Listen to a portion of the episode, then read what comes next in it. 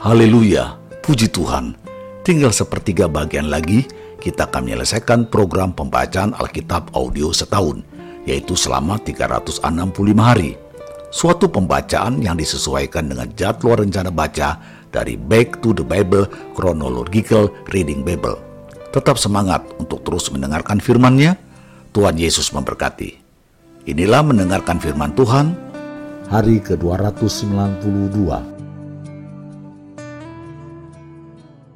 Matius pasal 15 Kemudian datanglah beberapa orang Farisi dan ahli Taurat dari Yerusalem kepada Yesus dan berkata, Mengapa murid-muridmu melanggar adat istiadat nenek moyang kita? Mereka tidak membasuh tangan sebelum makan.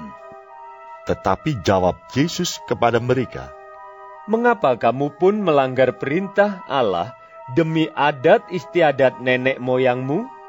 Sebab Allah berfirman, Hormatilah ayahmu dan ibumu. Dan lagi, siapa yang mengutuki ayahnya atau ibunya, pasti dihukum mati. Tetapi kamu berkata, Barang siapa berkata kepada bapaknya atau kepada ibunya, "Apa yang ada padaku yang dapat digunakan untuk pemeliharaanmu, sudah digunakan untuk persembahan kepada Allah." Orang itu tidak wajib lagi menghormati bapaknya atau ibunya. Dengan demikian, firman Allah kamu nyatakan tidak berlaku demi adat istiadatmu sendiri. Hai orang-orang munafik, benarlah nubuat Yesaya tentang kamu. Bangsa ini memuliakan aku dengan bibirnya, padahal hatinya jauh daripadaku. Percuma mereka beribadah kepadaku, sedangkan ajaran yang mereka ajarkan ialah perintah manusia. Lalu Yesus memanggil orang banyak dan berkata kepada mereka, Dengar dan camkanlah. Bukan yang masuk ke dalam mulut yang menajiskan orang, melainkan yang keluar dari mulut itulah yang menajiskan orang. Maka datanglah murid-muridnya dan bertanya kepadanya, Engkau tahu bahwa perkataanmu itu telah menjadi batu sandungan bagi orang-orang Farisi?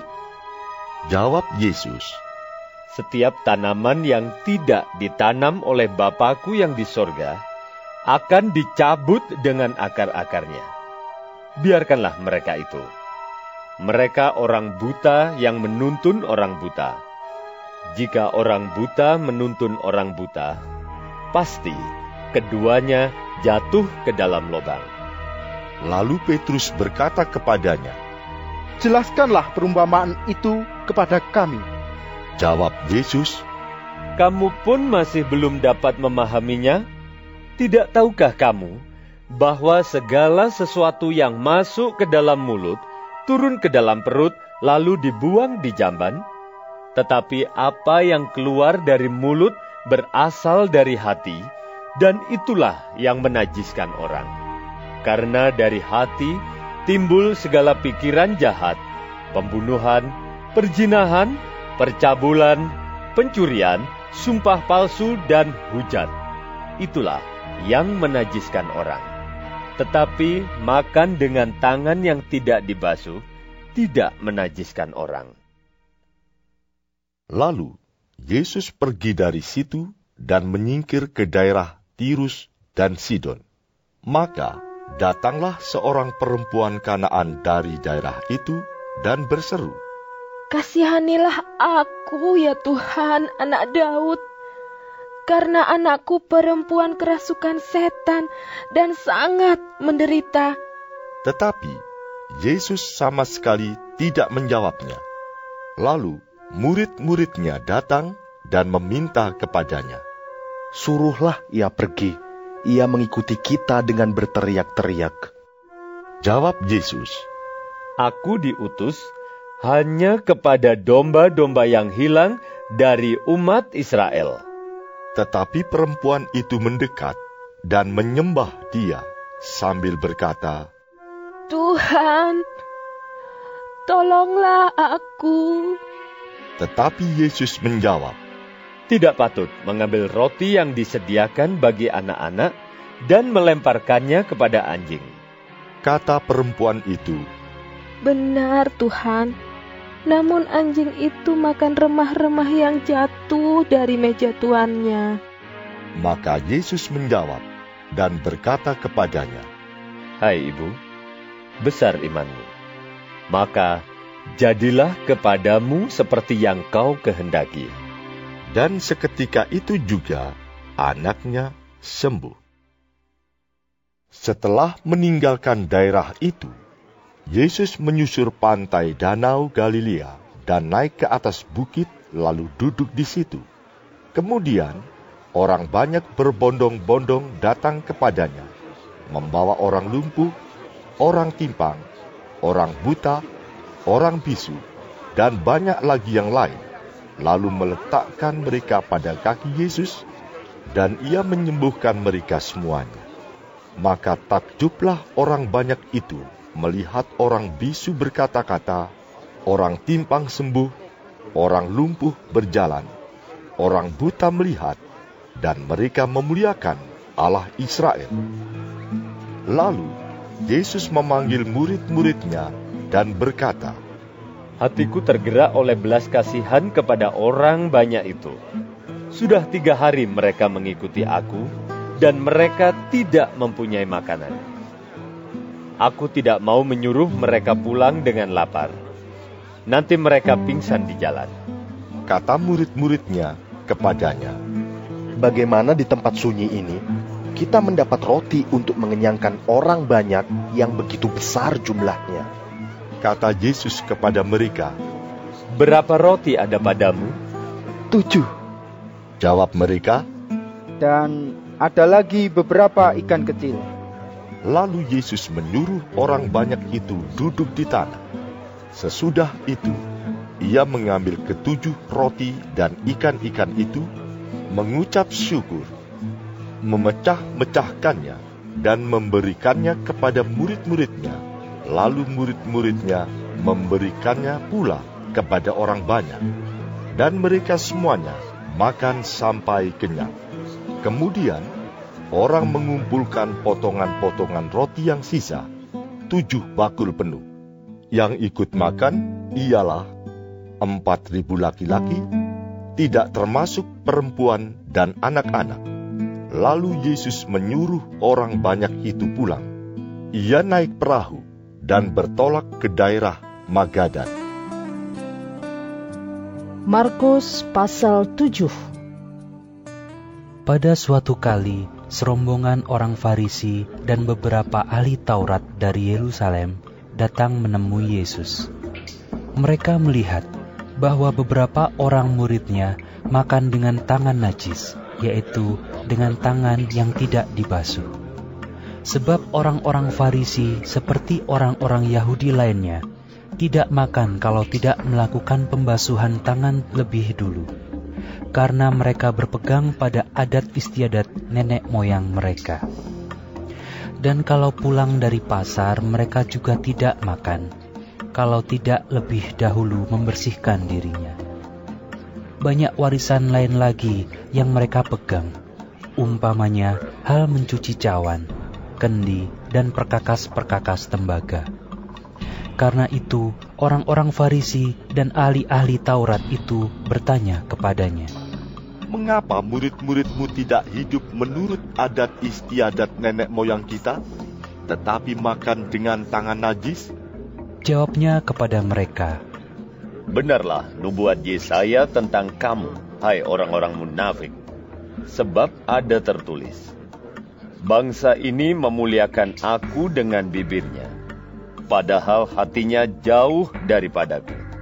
Percuma mereka beribadah kepadaku, sedangkan ajaran yang mereka ajarkan ialah perintah manusia. Perintah Allah kamu abaikan untuk berpegang pada adat istiadat manusia.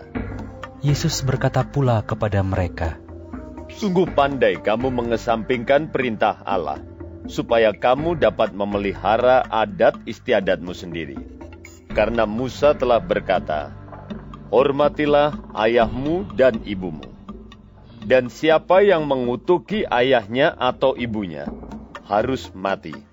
Tetapi kamu berkata, kalau seorang berkata kepada bapaknya atau ibunya, "Apa yang ada padaku yang dapat digunakan untuk pemeliharaanmu sudah digunakan untuk korban, yaitu persembahan kepada Allah," maka kamu tidak membiarkannya lagi berbuat sesuatu pun untuk bapaknya atau ibunya.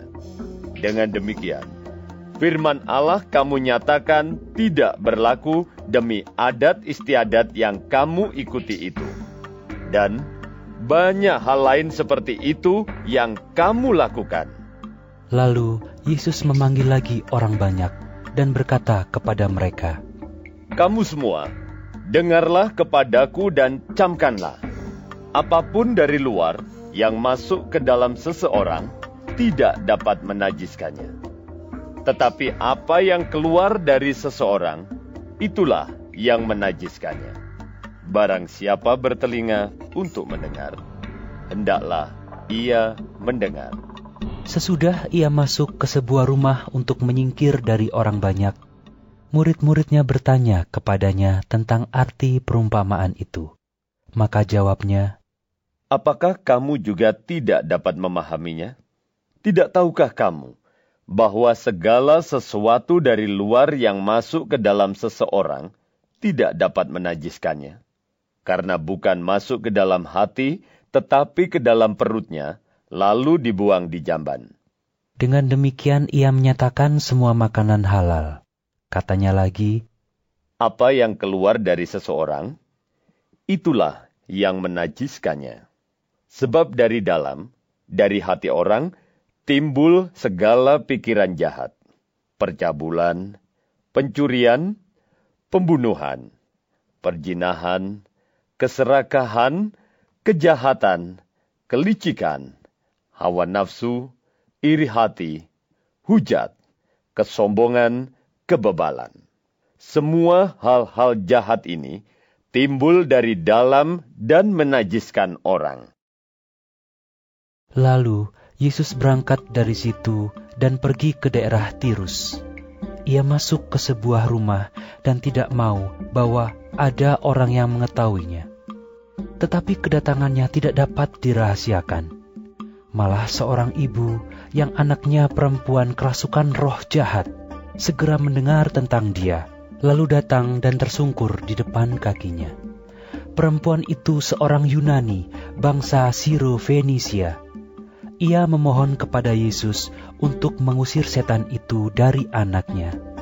Lalu Yesus berkata kepadanya, Biarlah anak-anak kenyang dahulu, sebab tidak patut mengambil roti yang disediakan bagi anak-anak dan melemparkannya kepada anjing. Tetapi perempuan itu menjawab, Benar, Tuhan. Tetapi anjing yang di bawah meja juga makan remah-remah yang dijatuhkan anak-anak.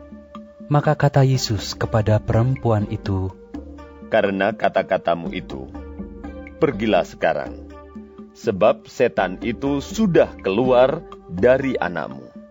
Perempuan itu pulang ke rumahnya, lalu didapatinya anak itu berbaring di tempat tidur, sedang setan itu sudah keluar. Kemudian Yesus meninggalkan pula daerah Tirus dan dengan melalui Sidon pergi ke Danau Galilea di tengah-tengah daerah Dekapolis.